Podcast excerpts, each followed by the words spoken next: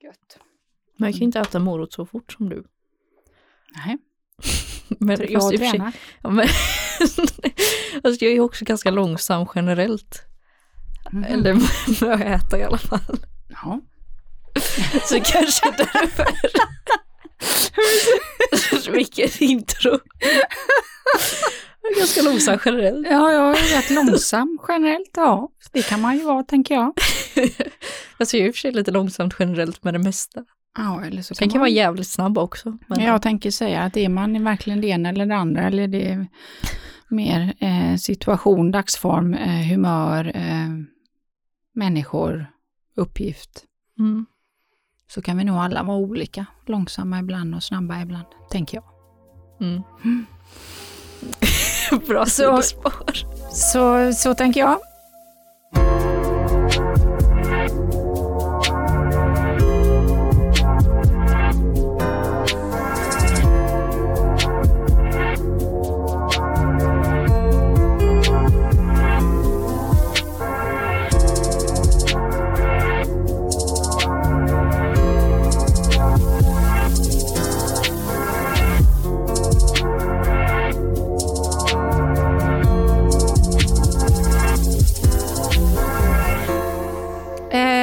Milla!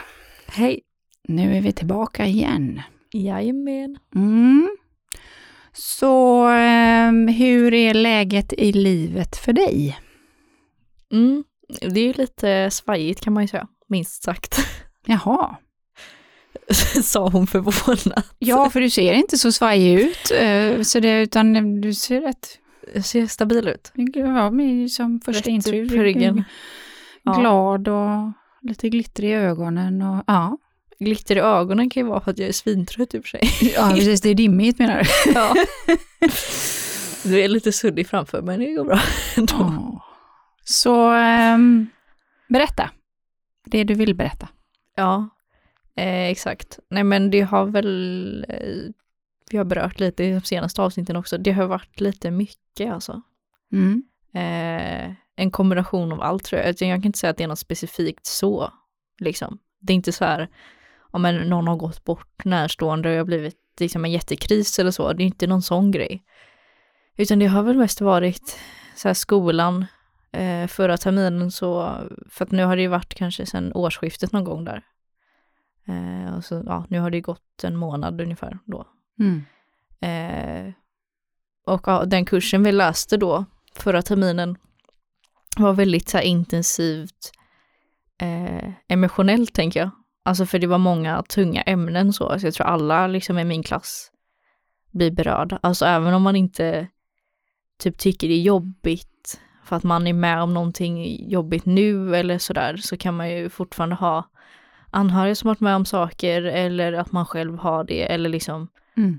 Absolut. allmänt bara, även om man inte känner någon så kan det vara jättetufft att läsa om det vi läste om liksom. Mm. Eh, så det har väl varit det, alltså det var inte liksom, och samtidigt ganska högt tempo liksom som det är på universitetet. Eh, så man fick inte riktigt någon chans att återhämta sig, eller så här, först var sorg och kris, tjoff och utbildningsuppgift på det och sen så nästa vecka nytt ämne liksom om våld i nära relationer typ. Och sen en inlämning på det och sen så misshandel, eller vad heter det, missbruk och liksom så här. Mm. Så det var inte så här heller att, det var ju lite att man skulle, de uppmanade så här, att prata med varandra typ, för det kan vara tufft. Mm. Men det var inte så heller att man fick någon chans att pausa emellan, utan det var liksom allt bara las på en tjoff tjoff tjoff typ. Prata gärna med varandra men vi har egentligen inte tid för nu måste vi börja med nästa sak. Ja men lite så. Ja. Nej men alltså för de, jag tror då, de måste väl typ lägga upp det så i Mm. det tempot för att de ska hinna. Mm. Eh, men sen samtidigt vet de ju att det är tufft. Mm. Eh, så det blir väl lite dubbelmoral i det. Mm. Eh, för det är inte de som gör kursplanen kanske, eller så här. Så det var ju tufft för alla tror jag. Alltså alla sa ju det typ, eller flera i min klass som jag känner bara, gud vilken kurs, alltså det var så tung. Mm. Även om det var intressant så var det så tunga ämnen liksom. Mm. Och sen har det varit alltså här som, det har vi nämnt innan, min bror ska börja plugga i, uppe i Luleå. Eh, och vi har ju haft en häst här hemma och ja, vi har inte vet hur vi ska göra med det och så. Och sen var det väl lite tankar om jag skulle flytta hit och fram och tillbaks, alltså till Göteborg då igen. Um, och ja, mycket tankar kring det och så här, jag bara, ja men ja det hade varit, jag tänkte ju att det kunde vara underlätta för min bror med, för han har ju en lägenhet här. Eh, och det blir ju ganska snabba ryck när man ska plugga. Mm. Det är ju liksom inte så här, ja du ska flytta dit om ett halvår, utan det är så här, ja du börjar om en vecka, hitta lägenhet och mm. släppa allt det gamla typ. Mm. Eh, och, sen, och det visste jag ju också för i och med att jag själv liksom har pluggat, börjat plugga i en annan stad så vet jag att det kommer vara en stor omställning för honom. Mm. Eh, och så så här, ja men det kanske hade varit skönt att bo här för vi har ändå distans och det skulle inte han ha. Och bara fast vill jag verkligen det? och liksom, mm. och vad innebär det fram och tillbaka och hit och dit. Eh, mm. Plus att jag ganska nyligen hade flyttat, så jag precis börjat landa i Örebro liksom. Mm. Eh, ja, så det var väldigt mycket kring det. Eh, och lite så här, men inte dålig stämning i familjen kan jag inte säga, men det har ju varit alltså svårt för vi har ju alla försökt planera hur vi ska göra. Mm. Dels med hästen men dels så kanske hjälpa min bror med allting som händer där och ja, hur det ska bli som de flesta tänker jag liksom så här som också går i skolan kanske, ja kommer vi gå tillbaka till skolan eller inte och oh. allt sånt. Oh. ja, du, ja. förstår. Jag förstår. Det var väldigt mycket så här fram och tillbaks. Ja. Och sen vill jag ju inte Alltså jag tänker väldigt mycket på vad andra eh, ska ha det också. Typ, alltså för min familj är ju viktig för mig också. Mm. Eh, som typ med min bror, och jag bara, ah, jag vet att det hade hjälpt honom mycket om jag bara kunde ta över lägenheten. Typ. Mm. Så kan han kanske lösa det till sommaren mer eller någonting. Mm. Och sen har jag också varit så här med mamma, ska hon ta hästen själv? Det blir tungt eller ska vi sälja honom direkt eller hur ska vi göra med det? Och liksom, eh, nu har vi ju då två medryttare ett tag Eh, så att det är liksom folk som rider Bruno, min häst, mm. och sådär. Och mamma hjälper till lite. Så att det är en lösning, men det är också så här att jag får typ dåligt samvete för att jag inte kan hjälpa henne på det sättet. Mm. Alltså så här med, för det är ju fortfarande stallsysslor och sånt, det är inte bara ridningen som många kanske tänker, utan det är mycket runt omkring. Mm. Och sen ska man boka hovslagare och köpa mat och alltså det är hur mycket som helst. Jo men absolut, alltså att ha häst är ju en livsstil liksom. Mm. Så man så här, ja, hamnar alltid på henne själv helt plötsligt. Mm. Eller så. Mm. Eh, och sen har mamma haft renovering hemma så jag vet att hon har liksom haft mycket med annat också. Mm. Eh, och sådär. Så jag är ju väldigt gärna känslomässigt engagerad i det här. Mm. Liksom, för att det är min familj. Mm. Och sen kom jag på, ja just ja, jag kanske ska tänka på vad jag vill det här typ och känner. Mm. Så det har varit mycket med det, alltså så här skuldkänslor och sen så började jag må väldigt dåligt. Alltså, liksom kände jag bara på gränsen till att gå in i väggen kanske. Eh, för att jag, ja men du vet, man börjar tappa ord, typ man ska formulera meningar huvudvärk, yrsel, mm. eh, ja massa olika saker liksom. Mm. Att man bara känner att man inte är med. Och sovit väldigt dåligt. Eh, det är typ det jobbigaste tycker jag. Jag var nästan rädd för att sova ett tag för att jag bara fick massa stressmardrömmar typ. Mm. Eh, ja, så det har varit mycket. Och det vi skulle prata om var ju liksom skuldkänslor mm. idag. Och det tänker jag, alltså från mitt perspektiv nu så är det ju mest att jag får väldigt så starka skuldkänslor till, kring mycket saker. Mm. Som jag kanske annars inte hade brytt mig om. Mm. Men nu när jag redan är liksom skör eller vad man ska säga, mm. så blir små saker så himla stort. Mm. Typ så här, en kommentar kan liksom säga bara, åh nej, oj varför gjorde du inte så, jag borde göra det och det är så här. Mm. Ja. ja, så då landar vi i att, ja, som jag hör, eh, det har varit jättemycket olika saker. Mm. Eh, och precis som du började, ja men det har egentligen inte varit några stora saker. eh, och jag ler alltid åt den av omtanke. Eh, för att det är ofta så vi gör. Mm. Ehm, att det är på något sätt får du rätta mig om jag har, gör grova generalisering, men att Ja, men jag har ju inte varit med om någon stor alltså, traumatisk sak här, så jag har inte rätt att må dåligt. Mm. Mm. Det är lite där man börjar. Eh, och då brukar jag säga att ja, fast var och en måste få utgå från sin karta av verkligheten. Eh, och mår jag dåligt så mår jag dåligt, punkt. Eh, mm. Och det behöver inte innebära att jag, alltså det är becksvart, utan jag har massa saker som påverkar mig som gör att jag mår inte hundra, punkt. Mm. Och precis som du så insiktsfullt ser, du ser ju alla delarna. Eh, och eh, den som också blir så tydlig eh, för mig och som du själv säger är ju att allting väver ihop i en form av skuldkänsla hela tiden. Mm. I olika relationer, roller, uppgifter. Så känner man en, en skuld för att inte vara tillräcklig eller en skuld för att eh, ja, men jag vet ju hur jobbigt det är att flytta till en ny stad. Eh, mm. För det har jag ju själv gjort. Så då vill man vara där eh, för bror och så kanske man inte är det, tycker man utifrån någon form av facit. Mm. Och så känner man en skuld av att inte vara tillräcklig åt olika håll. Och tycker du gör det så klokt, att jag menar okej, okay, någonstans där på resan så, så kommer det liksom ett litet pip sådär då. Men jag då? vad, vad, är min plats i det här och vad vill jag? Mm. Eh, och det är ju lite för att eh, vi, vi, pratar om eh, skuldkänslor och vi lite varit inne på depression och Ja, men man kan alltså gå in i en depression av skuldkänslor, men man kan också utifrån att man befinner sig i någonting ha en ökning av skuldkänslor. Så det, alltså, vad är hönan och, och vad är ägget? Mm. Um, om man nu vill sätta någon form av definition eller etikett på. Jag är ju inte någon förespråkare för det. Uh, I vissa fall behöver man ju det såklart, men om man tittar på det här så tänker jag mer, okej, okay, vi befinner oss i ett läge ett nuläge som ser ut så här. Eh, jag mår så här och jag har själv reflekterat och funderat lite på att det är nog alla de här sakerna som har påverkat och tagit mig hit. Mm. Och den gemensamma känslan är skuldkänsla. Mm. Och då blir jag lite sådär um, att jag vill gå in i ordet skuldkänsla, det här med skuld och skam lite som ett övergripande fenomen. Eh, mm. och vad forskning säger åt olika håll och vad, vad det här är. För det första skuldkänslor. Eh, vi har ju varit inne på det i ett helt avsnitt eh, kopplat till anknytningsteori. Att vi genetiskt då, i, eller framförallt i miljö under uppväxt, eh, sätts i situationer som upp, utvecklar att vi ofta känner skuldkänsla jag kanske har blivit bekräftad väldigt mycket när jag har varit glad, harmoniskt och varit på ett visst sätt eller att jag har gjort eller gett eller hjälpt till hemma. Det är de enda mm. gångerna jag får bekräftelse av att jag är okej okay som jag är.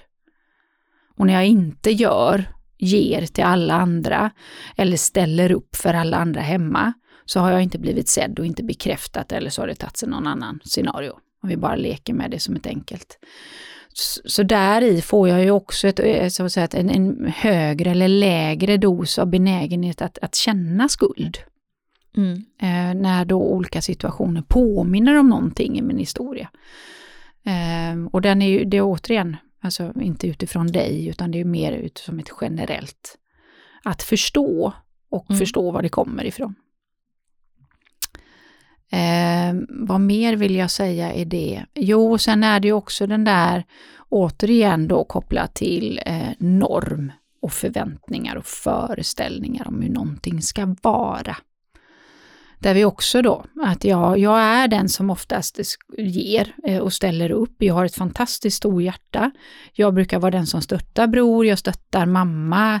Jag kanske tar ett stort huvudansvar när det gäller hästen. Nu leker jag bara med olika mm. facit. Och så helt plötsligt så förändras livet i olika delar som gör att jag har inte samma möjlighet. Skuld. Mm. För att jag har en förväntan på mig själv, en föreställning om hur det ska vara och nu diffar den. Mm. Då får jag skuld för min del. Um, och jag tycker ju bara det är klokt att, att ens inse och landa i att det är skuldkänsla du känner. För oftast är den högst omedveten. Att jag bara tycker att livet är obehagligt mörkt, jag känner mig stressad, är ledsen eller arg eller frustrerad, för den kan ju ta sig en massa olika uttryck. Mm. Um, så om du hade varit en klient till mig så hade jag liksom lite nyfiket utforskat eh, vad vi tror att skuldkänslan kommer ifrån och vad det egentligen handlar om. Eh, mm. För att saker har ju förändrats och det är ju inte ditt ansvar, tänker jag, för alla förändringsmomenten. Du är Nej. ju inte ansvarig för att din bror har kommit in på studier. Men du tar ett stort ansvar. Du är ju inte ansvarig för din mammas förväntan om hur det ska vara i en konstellation kring en gemensam häst. För den är gemensam, men brorsan drog till Luleå. Mm. Han är inte inblandad helt plötsligt. Eh, utan det är ju din skuldkänsla, sen kanske han har det också, det vet inte jag, utan jag bara leker. Mm. Eh, och att man då ur skulden har alltså en lägre förmåga att då lyfta sig och se vad handlar det här om egentligen. Vad mm. är mitt ansvar i det här? Vad vill jag ta ansvar för? Vad behöver jag? Och sen är det såklart också, kan vara jättetufft att stå upp för den. För att de andra lever ju också sina roller och sina förväntningar om hur det alltid har brukat vara. Mm. Och där har vi varit inne lite utifrån mig också, eh, som alltid har varit den som hållit ihop släkt och familj. Och helt plötsligt så väljer jag och en annan resa för jag ser att den föder för mycket skuld och en känsla av otillräcklighet hos mig. Jag väljer att föda mer för mig själv, vad jag vill. Då får man ju också vara beredd att, då förändras ju du. Mm. Och då skapar det också en oro hos dem runt omkring. Eh, och det kan ta sig olika uttryck, som då också kan spä på din skuldkänsla. Mm. Helt omedvetet. Är du med? Japp, yep. det blir en positiv feedback i mikrosystemet. ja, man kan använda massa fina eh, ord eh, kring det här, men... Eh, och vi strävar alltid efter jämvikt. Ja, men lite... Ja, och beroende på vad jämvikt är då. Utifrån Exakt. din karta av verkligheten. Eh, dina mm. erfarenheter, både liksom erfarenhetsmässigt och genetiskt så, så skapar vi ju efter en, någon form av jämvikt i det. Um, så att det är ju ingen, det är ingen lätt fråga, mm. fast den i sin teori är ganska lätt. Uh, och man ser också forskningsmässigt att vi kvinnor har en högre benägenhet att ta på oss det här ansvaret. Oh. Att känna skuld i liknande situationer. Eh, och sen om det har med alltså, livsresan att göra genetiskt eller hur manligt, kvinnligt, eh, whatever, det går jag inte in i för det är en helt annan, tänker jag. Eh, för nyfiken fråga blir ju från mig, alltså vad, vad säger din bror i den här situationen? Ja du. Nej, jag har inte pratat så jättemycket med honom om det, typ. Nej, för du tar ju ansvar för hans resa, hans förändring till Luleå, att det kan vara jobbigt. Mm. Eh, du tar ansvar för att det, det kanske är bra att jag bor i hans lägenhet då, för det är skönt för honom. Eh, och du tar ansvar för din mamma, för det är synd om henne, för hon behöver göra massa saker här nu då eftersom två har försvunnit ur ett delägarskap kring en häst. Mm. Eh, ni har ändå löst tre eller två medryttare. Mm. Så att vi har ju liksom en stor avlastning där. Eh, men där går du också in och tar ansvar. Så att med nyfikenhet skulle jag nog utforska det. Ansvarstänket i relation till vad är de andras ansvar? Jo, nej men och liksom det är ju inte så mycket de har sagt egentligen om så här, att jag borde vara si eller så eller göra det här och det här.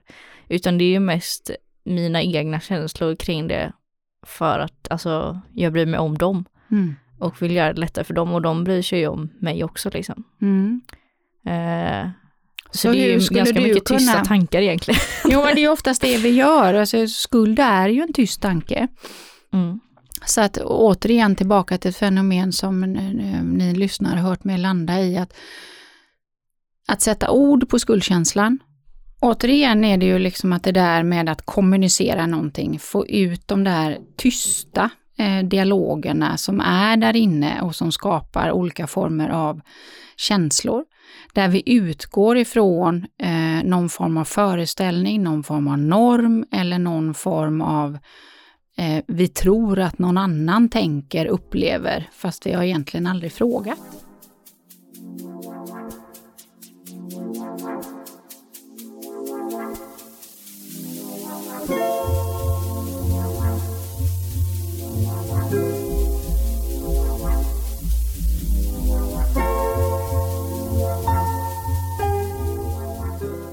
Så att där kan man ju också bli nyfiken på det man brukar säga som också kopplat till ett annat ämne som vi har pratat om innan och det är härskartekniker. Det är ju att någon, och nu säger jag inte att det är så här, utan det är bara som ytterligare ett perspektiv, att Ibland kan vi ha en upplevelse av att någon liksom tillskriver mig eller ger mig en, en skuldkänsla och den kan ju vara mer eller mindre sann. Så där kan man ju också börja titta att när någon eh, i någon form av roll, eh, relation till mig uttrycker någonting eh, för att skuldbelägga mig. Som gör att jag får en känsla av otillräcklighet. Eh, att du borde ju ta ansvar för det här. Eh, det här är ju också, eh, nu använder hästen då, det här är också din häst. Helt plötsligt så ska du inte ta något ansvar alls eller? Och så kan man på olika sätt gå in i den. Och påförande på någon annan av skuld inför en förändrad situation, det är en härskarteknik. Mm. Mm. Så den kan man också bli nyfiken på att titta på. Eh, är det dina upplevelser eller är det faktiskt sända upplevelser från någon i den här konstellationen? Um, och det är ju ingenting vi behöver gå in på, men det är liksom utifrån lyssnarnas perspektiv, om man är i en sån här med mycket skuld, mm. så kan det vara ett intressant perspektiv. Um, och det är ju liksom att man får, får liksom skuld och skam för en egenskap eller en händelse, för det kan ju vara hur jag är också, mm. um, som man egentligen inte är helt ansvarig för. Nej, tänker Nej. det kan vara i jobbsammanhang också liksom. Absolut, absolut. Också vanligt. Men du upplever internt i din dialog, den interna dialogen, att den kommer från dig. Mm, så den, den, kan vara ganska svår att, eller utmanande att hitta, men man kan ju börja att titta på den. För, för mekanismen är ju den att, att känna skuld eh, skyddar ju oss ifrån att vara själviska. Så att det är en basal instinkt utifrån återigen flocktillhörigheten. Vi eh, kan inte vara själviska och tillhöra en flock. Ehm, så att det finns en liksom basal instinkt i den. Vilket också föder en rädsla för att uppfattas som självisk eller egoistisk. Och den tror jag att vi många, eller jag kan känna igen den jättemycket. För det är en, ett av liksom fröna till att jag känner mig en skuld för att vara otillräcklig i ett sammanhang, exempelvis om det är det nu det är. Men nu är det liksom skuld för otillräcklig som vi är inne i. Mm. Eh, men det är också kittet, liksom, klistret för att kunna samarbeta, är ju den här delen. Mm. Men det är ju liksom när, det kan ju skapa problem när den börjar ta över vår vardag. Mm. Att den, den liksom, då är det ju något som inte står rätt till. Eh, antingen i situationen eller i hur jag faktiskt mår. Och det visar av det jag sa innan med depression då, på olika sätt. Är jag en depression så har jag en högre benägenhet till skuldkänslor. Men det är egentligen depressionen i sig som är grunden. Men jag kan också via skuldkänslor dra mig själv in i en depression. Så att, eh, vad är hönan, vad är ägget, tänker jag då. Ja, det var det jag tänkte med, eller så här för, som jag sa, alltså för ja, jag höll på att gå in i väggen kändes det som. Mm. Uh, och sen blev det lite bättre och sen nu är det lite sämre igen och det kommer väl gå lite i vågor. Mm. Vi får väl hoppas att det bara inte går ända in i kaklet. Det tänker jag att det inte ska göra. Nej, Nej. jag hoppas det. Mm. Tror det också. Mm. Uh, men och då som sagt, då blir det ju så här, typ som, om man först då blir det så här, aha, för då får jag ännu mer skuldkänslor för till exempel, nu fick jag en ny grupp också då, väldigt lägligt när jag bytte, eller när vi är ny kurs, vi har nya varje, eh, nej termin heter det, ja mm. varje termin. Eh, liksom det första jag sa till dem bara, mm, eh, jag mår inte så bra nu. mm. Så jag vet inte hur jag kommer orka, eller typ så här sa jag. Mm. Eh, vilket, för jag tänkte det är ju bra att säga liksom, men samtidigt var det jobbigt eftersom det var en ny grupp och liksom så här, är det det första jag ska säga att jag vet inte om jag hur jag kommer klara av grupparbete typ. Mm. Liksom vad, och sen mm. skuld typ om jag inte klarar grejer och så och hur de ska behöva liksom ta ställning till det eller påverkas av det. Mm. Och sen har jag också blivit så här, typ om man träffar vänner så jag bara, ja då vill jag inte må dåligt eller typ så jag vill inte visa den sidan för att tänka, ja men det drar ner stämningen så får man skuldkänsla för det eller typ mm. eh, eller till exempel då som att jag har ganska svårt med eh, dels att hålla koncentrationen typ om folk pratar men också att formulera egna ord eller så. Mm.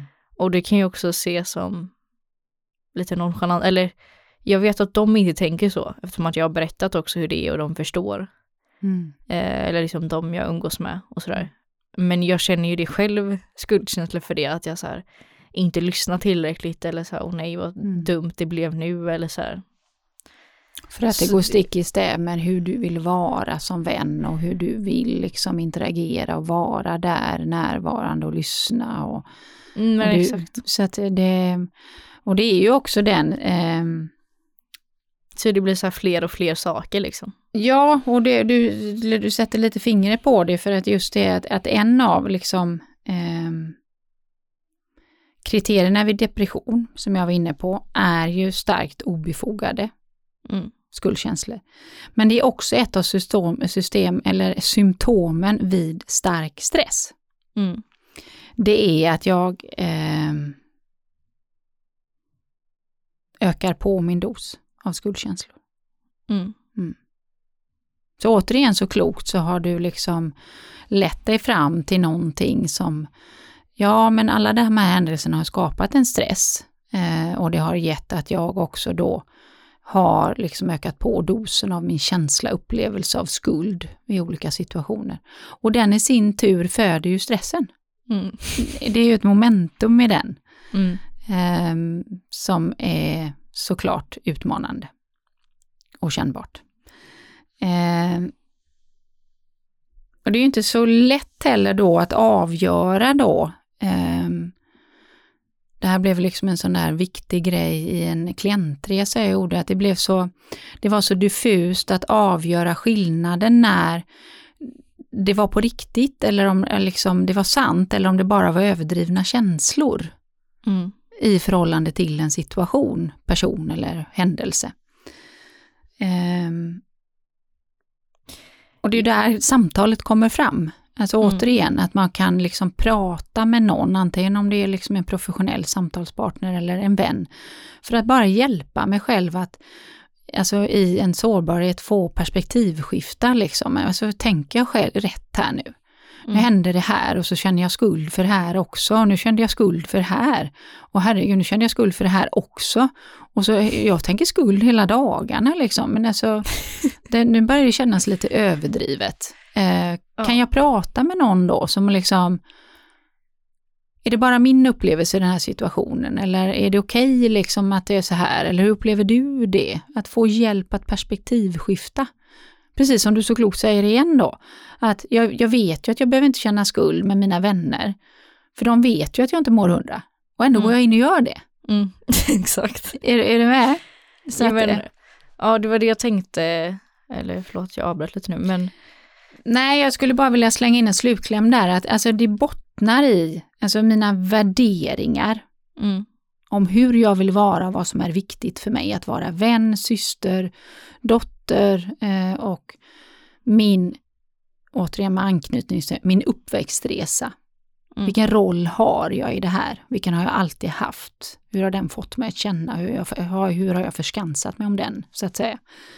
Eh, och sen är det ju också då eh, såklart återigen samhällets normer. Mm. Rätt eller fel, hur ska man vara? Hur borde man göra? Hur ska jag vara som vän? Så att den är ju färgad både av mina värderingar och normer. Um, mm. Och där är det så viktigt att börja frågasätta om de är sanna, om de är giltiga liksom. Mm. Och det var det jag tänkte, eller så här för att nu är jag ganska tacksam över det, just, eller för det så har jag ju gått i samtal en del. Mm. Så då har jag liksom lärt mig det nu, eller så här för att nu är det inte någon som har sagt till mig att ja, men när du kände så, då vet du, var det verkligen sant? Eller så här, utan det är ju något jag har lärt mig själv nu. Eller så här, mm. nu är det liksom inpräntat i hjärnan så jag kan tänka så. Mm. Sen har jag fortfarande känslan, men jag kan ändå tänka så och liksom leda om mig själv. Och jag får göra det typ hundra gånger per dag och det är skitjobbigt. Men jag kan ändå göra det. Ja, vad härligt säger jag då, för det är ju ett steg i framgångsresan som jag säger och gör framgång i, inom situationstecken, i den där insikternas resa om hur jag fungerar. Mm. Eh, vad behöver jag eh, och vad är liksom mitt sätt att då identifiera situationerna och sen träna på hur kan jag göra? För de kommer repetitivt, för jag har tränat på dem ganska länge. Mm. Och de är ofta kopplade till ganska starka känslor. Så att lite mm. omtanke med mig själv under den träningsresan, att ja, jag kanske behöver påminna om detta hundra gånger om dagen, beroende på vad det gäller. Mm. Men att någonstans under träningsresan så ser man ju hur situationerna blir färre och färre och hur jag instinktivt automatiskt eh, förhåller mig till olika situationer på ett nytt sätt.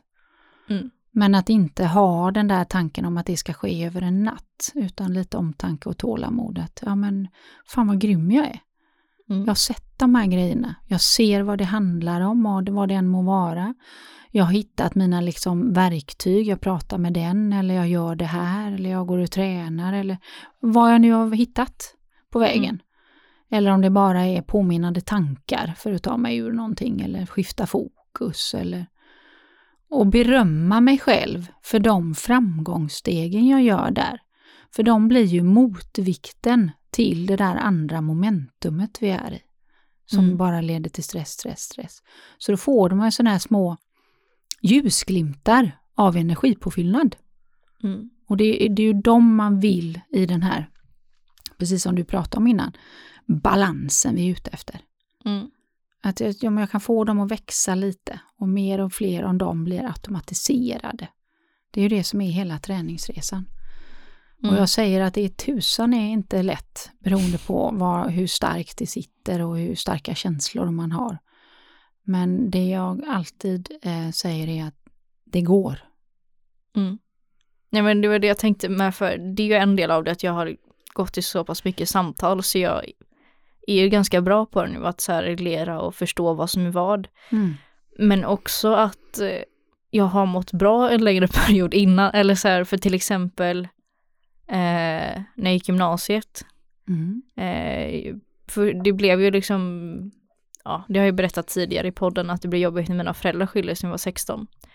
Och sen blev det liksom aldrig att jag mådde helt bra egentligen förrän jag, ja men strax efter jag tog studenten typ. Mm. Utan det var alltid Eh, alltså kanske inte att jag var deprimerad så, men jag mådde aldrig helt bra någon gång under de åren egentligen. Eh, och då blev det väldigt mycket sådana, alltså så här kraftiga skuldkänslor och så. Och det var ju min vardag, typ. Mm. Så att jag förstod ju inte att, aha, det här är inte sant, typ. Eller så här, för att jag kände det hela tiden, så jag fick ingen distans till det. Mm. Och kunde inte se vad som var, typ. Nu när jag har mått bra en längre tid, liksom innan det här hände, så vet jag ju så här, ja ah, fast det är faktiskt inte sant för att liksom dina vänner gillade det igår eller så här, varför skulle mm. de helt plötsligt, eller så här, och då kände du genuint att de gillade det utan att vara orolig. Mm. Är det verkligen rimligt då att det har vänt över en natt och att du, mm. de inte skulle tycka om dig nu? Alltså så här, så då kan jag mer se det för att, ja, när jag inte hade den här oron och så och mådde bra, ja men då trodde jag på till exempel att mina vänner gillar mig. Mm. Och det är inte så att de har slutat göra det bara för att jag har fått ett högre stresspåslag eller skuldkänslor för massa mm. andra saker som smittar. Liksom. Mm. Precis, exakt så. Mm. Eh, för det är ju lite så som jag brukar göra, hur ofta jag gör med klienter, men kan du, kan du minnas något, någon situation när du faktiskt kände att de tyckte om dig? Kan du minnas de här? För det är de man behöver påminnas om, precis som du säger, att jag menar jag har haft en historia i mm. stress och utmattning. Jag har haft en, en, en, en, liksom en tidslinje däremellan. Andlös. Så då kan jag ju börja med att ställa den där frågan. Fast det är mm. de här tankarna jag har nu som ger mig den här känslan. Är de verkligen sanna?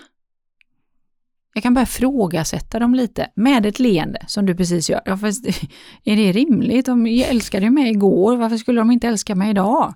Mm. Fast din känsla är ju det i att man, om man låter de där tankarna få momenta, för då blir det ju mm. som en spiral och så adderar man mer och mer och mer till det som kanske bara var en fras eller någonting. Mm. Och så blir det bara större och större och större. Så bygger man scenarion. Och att då kunna hejda sig där i det med ett leende.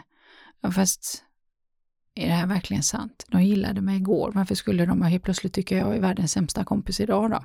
Vad är det som har förändrats? Va? Men det kan vara så dumma saker med. Eller ja, typ eller hur? Det kan vara jättedumma saker. Jag blir så, så här, typ arg på mig själv när jag ser det med, för det är liksom bara, nej, de sa hej på ett konstigt sätt där tycker jag. Man bara, alltså, fast de säger alltid hej på det sättet.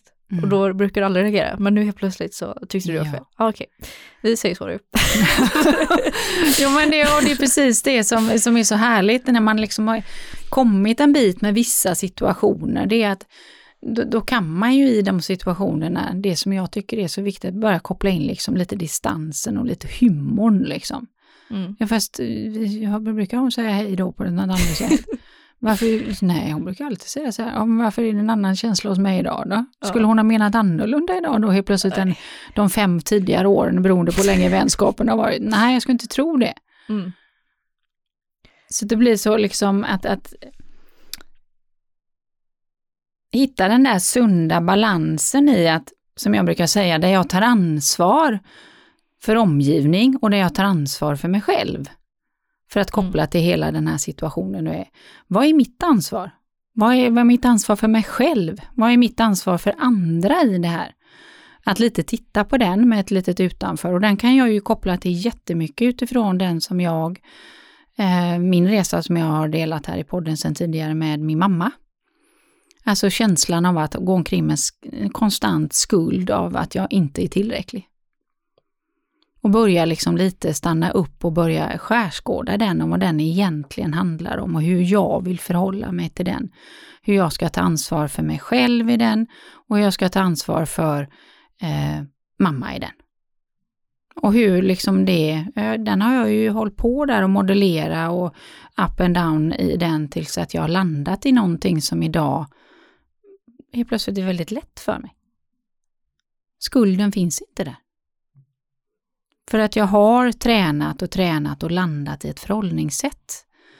Jag har eh, omvärderat det som innan var någon form av, kanske kommer från min uppväxt, eh, kommer från hur jag är eh, i olika delar, men att jag liksom har finjusterat den och tittat på den med lite ficklampa och bestämt mig för vad som är gynnsamt i mig.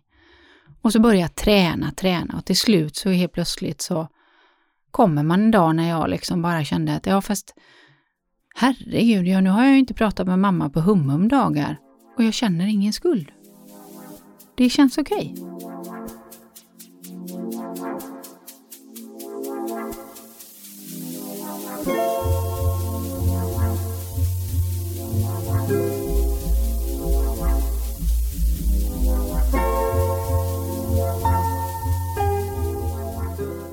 Och det är ju det vi behöver liksom i det här att, att vi behöver ja, självkritisk låter så lite konstigt ord i, i sammanhanget, men att återigen lyfta ut situationen och perspektivskifta den, kritiskt granska den för vad som egentligen är sant och giltigt och så arbeta med mina föreställningar.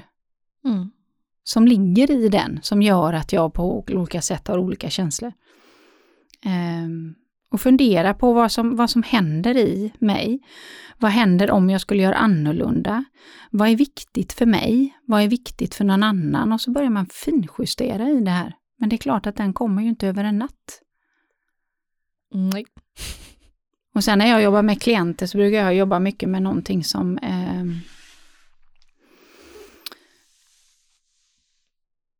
skuld och skam är ju ganska hopkopplade fast de egentligen är eh, olika.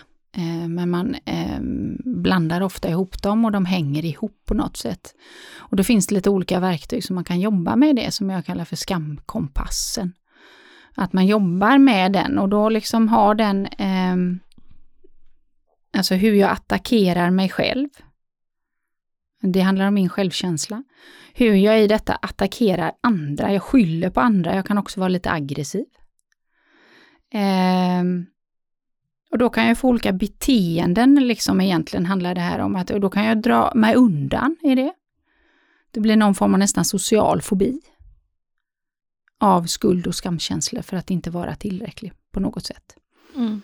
Eh, man kan också få ett beteende av att man går nästa steg i den och att jag börjar liksom försöka döva de här känslorna.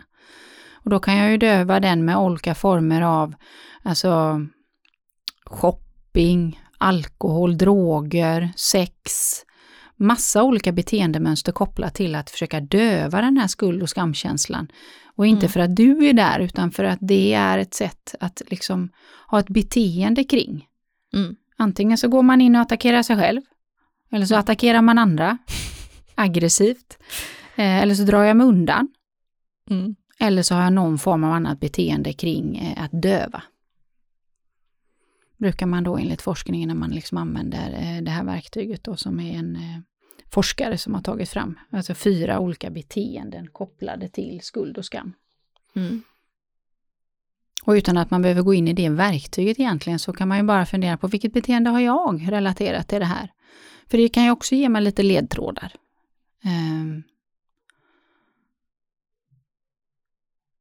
Och upplevelsen, min erfarenhet med klienter är ju att oftast det mest vanliga jag har träffat, det är att man attackerar sig själv. Mm. I någon form av liksom självförakt eh, som utplånar min självkänsla. Om att vara värdig enligt de föreställningar och normer jag har på något sätt plockat in i den kartan. Och Då kan man med ett leende börja titta på dem. Är de sanna? Är de giltiga? Tar jag för stort ansvar för min omgivning? Är det dags för mig att tala om för mig, de andra, att nu får ni ta ansvar för det, jag har valt det här? Mm. Mm. Ja men det är som jag sa, alltså även, jag behöver säga det till mig själv typ hundra gånger per dag. för att det är liksom, för även om jag liksom, och då försöker jag ändra tankesättet, men jag är fortfarande kvar känslorna, vilket är uppenbart för annars skulle jag inte behöva säga det så många gånger till mig själv. Mm. Men liksom, ja, efter de hundra gångerna, då kan jag säga så, kanske skulle kunna vara så, eventuellt, kanske, möjligen, att min kompis inte hatar mig för att hon skrev hej på det sättet som hon alltid brukar göra. Mm. Då kan jag komma efter den hundrade gången där, mm. men fortfarande ganska skeptisk va. Mm. mm. det jag försöker säga då är liksom det, även fast man kan tänka det rent logiskt, så kan ju känslan fortfarande vara kvar. Mm. Och att man inte ska bli för sur på sig själv då, för att det blir jag, jag bara, men om du kan tänka det och du vet det rent logiskt, varför känner du inte det också då? Mm. oh, den, kan, den kan vi nog alla känna igen. Ja, uh, jag tänker det. Och framförallt så, så, både ut för mig själv, men också hur jag, men, men man jobbar med coachande eh, samtal och no, samtalsterapi, så, så är ju det Starkast känsla är ju den vi springer på. Det är ju den som har gjort att vi står där vi står. Mm. Jag brukar enkelt säga starkast känsla vinner. Mm. Mm. Och då är vi ju inne på det där som eh, vi har pratat om innan, att ja men, ja men det är ju inte så.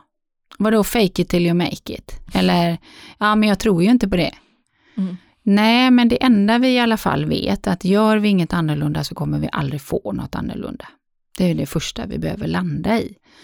Och min föreställning, min sanning, min karta just nu ger mig en känsla som inte är gynnsam för mig. Där kan vi oftast vara ganska eniga. Vad behöver jag göra för att eh, förändra den känslan, förändra kartan? Hur kan jag hjälpa mig? Hur kan jag perspektivskjuta? För det enda jag vet är att fortsätter jag göra samma sak, tänka samma sak, så kommer jag få samma resultat. Yep. Och den är jätteprovocerande. För att den, den föreställning jag har och den känslan jag har, den känns ju så sann. Mm. Så när någon talar om för mig att jag ska tänka eller göra eller känna på ett annat sätt så kan vi ju bli lätt provocerade. Och den kan vi alla känna igen på olika nivåer i olika situationer. Men att när man en gång har för, liksom landat i den där att okej, okay, jag vill ha ett annat resultat. Jag vill inte känna så här. Jag vill inte gå varje dag och känna skuld. Mm.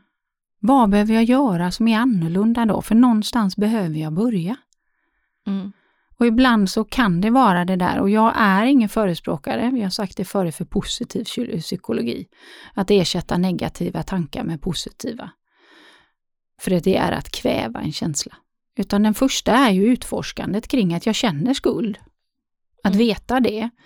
Att lite förstå vad det handlar om, börja utforska vad som är sant och vad som är giltigt. Och när jag gör den utforskarresan, ju mer jag landar i nya sanningar som verkligen är giltiga, desto mer har jag målat om föreställningen och där kommer helt plötsligt en annan känsla. Så det är ju en träningsresa. Men ibland är det ju lite precis det som du beskriver, att jag behöver ha den där inre dialogen. Ja, jag känner så här, jag vet det här intelligensmässigt, men jag känner så här. Mm. Ja, men jag måste vara en extremt korkad individ. Alltså, jag vet ju det här, varför kan jag inte känna annorlunda? Mm. Och den kan vi också alla känna igen. Mm. Varför gör vi som vi gör när vi både vill och vet någonting annat? är en heading på en av mina eh, föreläsningar. Och det är för att jag har odlat detta så länge. Men jag behöver också förstå det andra perspektivet med en kopplad känsla. Och det är ju den du gör när man säger, men jag har mått dåligt, jag vet att jag mådde bra. Mm. Då ser du kopplingen till en annan känsla. Mm som egentligen är kopplat till exakt samma scenario och situation, men helt plötsligt upplever jag dem på olika sätt. Då kan jag börja med att plocka fram den andra känslan genom att påminna mig repetitivt. Repetitivt. Mm. Repetitivt. Hundra gånger. Tills jag till slut känner skiftet. Mm. Men har man också andra faktorer, eh, som man säger att den är utlöst av stress, så behöver man ju också här ge sig möjligheterna till återhämtning. Mm. För då är vi inne på det här vi pratade om för, för några avsnitt sedan om stress. Att är jag i stress, då är jag i min amygdala, jag är i överlevnad, frontalloben är bortkopplad, jag är inte så klok, jag är inte så logiskt tänkande, utan jag är väldigt reaktiv. Jag behöver hjälp. Mm. Eller hjälpa mig själv för att återhämta. Mm. Det var ju också jobbigt nu för att jag gick eh, ja, till campushälsan då och pratade med en. Mm. Och det var ju då när jag var lite bättre däremellan. Mm. Och så sa jag typ, ah, nej men jag tänkte jag ska göra så här och så här, typ. Hon bara, ja, eller så här, för jag berättade vad som hade hänt och sen vad jag hade tänkt göra för åtgärder typ. Mm. Hon bara, ja alltså du har gjort allting som vi brukar föreslå att man ska göra. Mm. Så hon hade till liksom inte så mycket mer att säga. Utan det var så här, ja vi kan se typ uppföljning mer då. Mm. Hur det blir om några veckor eller så här om jag ville det och så. Så jag bara, jag bara jaha. så hon har ingenting att ge mig. mm. Vad gör jag här då? om jag är så klok. Ja, men det, är så ro, det var ju så roligt Milla då. Då, då återigen kan du inte ta till dig där att okej, okay, jag har uppenbarligen kommit ganska långt på min träningsresa. Klappa mig själv på axeln och säga att Ja, men jag har i alla fall kommit så pass långt att jag har, vet vad återhämtning är. Jag, jag, vet att jag behöver få in den. Jag har till och med börjat att försöka liksom göra den här resan där jag får in mer av det. Och så får mm. du det bekräftat. Ja, men då är det ju liksom fel på hela kontexten för att du vill egentligen ha en quick fix på någonting annat. Typ. Nej men alltså jag blir lite så här, alltså jag vet att det inte går att göra någon quick fix egentligen liksom. Eh, men det var ändå så här bara, jaha, jag vill inte vara så klok i så fall. typ. Och, det, och jag älskar ju detta, för detta är ju så tydligt på hur vår hjärna fungerar igen. Hur ja. den gör och hur den spelar oss ett spratt. Mm. men jag, jag, vet inte, jag kunde ju skratta lite åt det, liksom det att mm. jag tänkte så, jag bara, men det är så typiskt att man så här, mm. man är inte nöjd hur det än blir liksom. Eller hur? Mm. Och det är klokt att se det, även om du då i den situationen var trött på att höra hur klokt det var. ja. Och det kan man ju också vara, att eh, eh, likväl som jag då som jobbar med alla de här delarna, eh, jag ska ju alltid vara så himla klok. Mm. Så att för mig eh, är det ju inte både min inre process eh, som jag har jobbat jättemycket med, men också den externa. Att om jag har då alla dessa verktyg och all den här klokskapen, eh, har jag då rätt att må dåligt? Ja, det är ju den. Eller hur? För du Då vet du föreställningar och mm. normer igen. Mm. Mm. Men jag är också människa.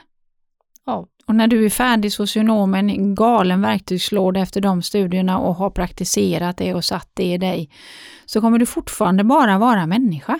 Mm. Jag har också min uppväxt, jag har också mina genetiska. Det jag har genom att jag tränar är mer det som du faller in i nu. Ett leende. Aha, den där kände jag igen. Jag har provat att det här verktyget funkar. Jag kör på det nu. Är du med? Att ju mer man har tränat på det, desto färre blir situationerna. Men att jag inte kan må dåligt eller att saker inte kan stressa mig eller saker inte kan påverka mig. Alltså, då vore man ju nästan som att säga att um, man kan bli någonstans fullärd i någon form av robotvarelse. Mm. Och det är ju en utopi. För att hela livet är ju i mina ögon en lärande resa där vi upplever smärta, glädje, frustration, förvirring, allting. Och vi lär känna mer och mer av oss själva under den resan. Och vi lär oss vad som är gynnsamma verktyg. Mm. Och beroende på hur stark känslan är så hinner vi surfa iväg kortare eller längre tid på den där reaktiva vågen innan jag ser. Nej men alltså Kolberg brukar jag säga, hur hamnar du här? Mm. Varför tänker du så här? Eller varför reagerar du så här? Eller varför känner du så här? Vad vill du göra med det? Eller vill du fortsätta? Och ibland har man kommit ganska långt på kurvan. Ibland har man bara kommit ett, ett, ett fotsteg in. Mm. Beroende på vad det gäller och hur starkt och viktigt det är för dig och hur du har haft det i tidigare liknande situationer för hjärnan pusslar och generaliserar. Mm.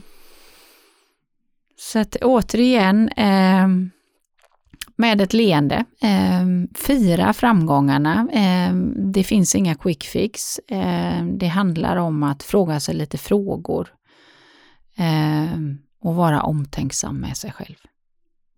Mm. Mm. Jag är inte mer än människa. Nej. Nej. Hundra gånger om dagen, kom ihåg det, gott folk. Ja, och att just det där som många kan tycka liksom att ja men jag är så fake it till you make it. Ja, fast ibland är den ganska bra. Mm. Utifrån att jag har landat i någonting som känns sant för dig. Och det har du ju, intelligensmässigt. Då får jag köra en liten resa i fake it till you make it tills jag faktiskt har skiftat i känslan också. Mm. Då är det ju det som är mental träning. Och ta med oss att hjärnan gärna har fem gånger högre faktor på hot, hinder och problem. Det är där den är, varje dag, varje sekund, hela tiden.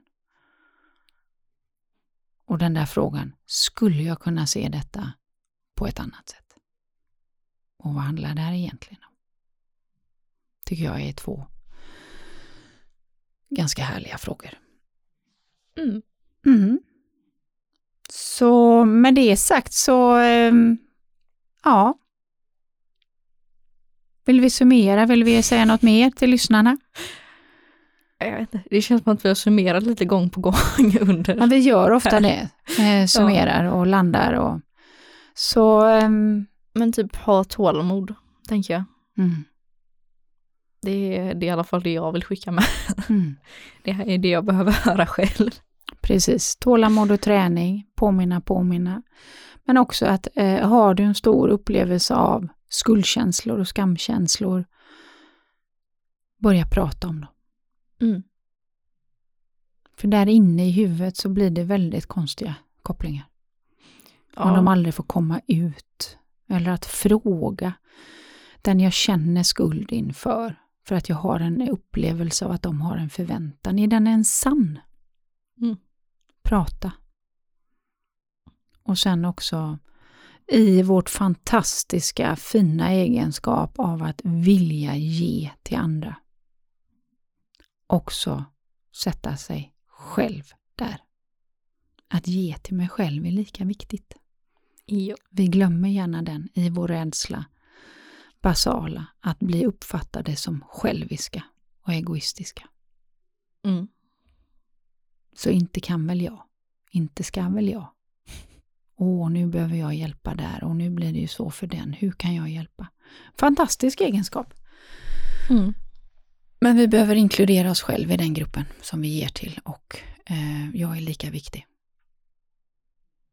Och för mig är ju mantrat att jag är den viktigaste personen i mitt liv. För det är det som är grunden för att ge allt det där fina som jag vill ge. Och som de flesta av oss vill.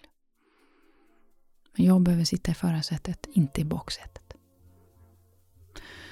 Så med det hoppas vi att det gav lyssnarna någonting. Och så eh, ha en fin vecka tills vi hörs nästa gång. Ta hand om Ha det bra. Ja, ha det gött. Hejdå!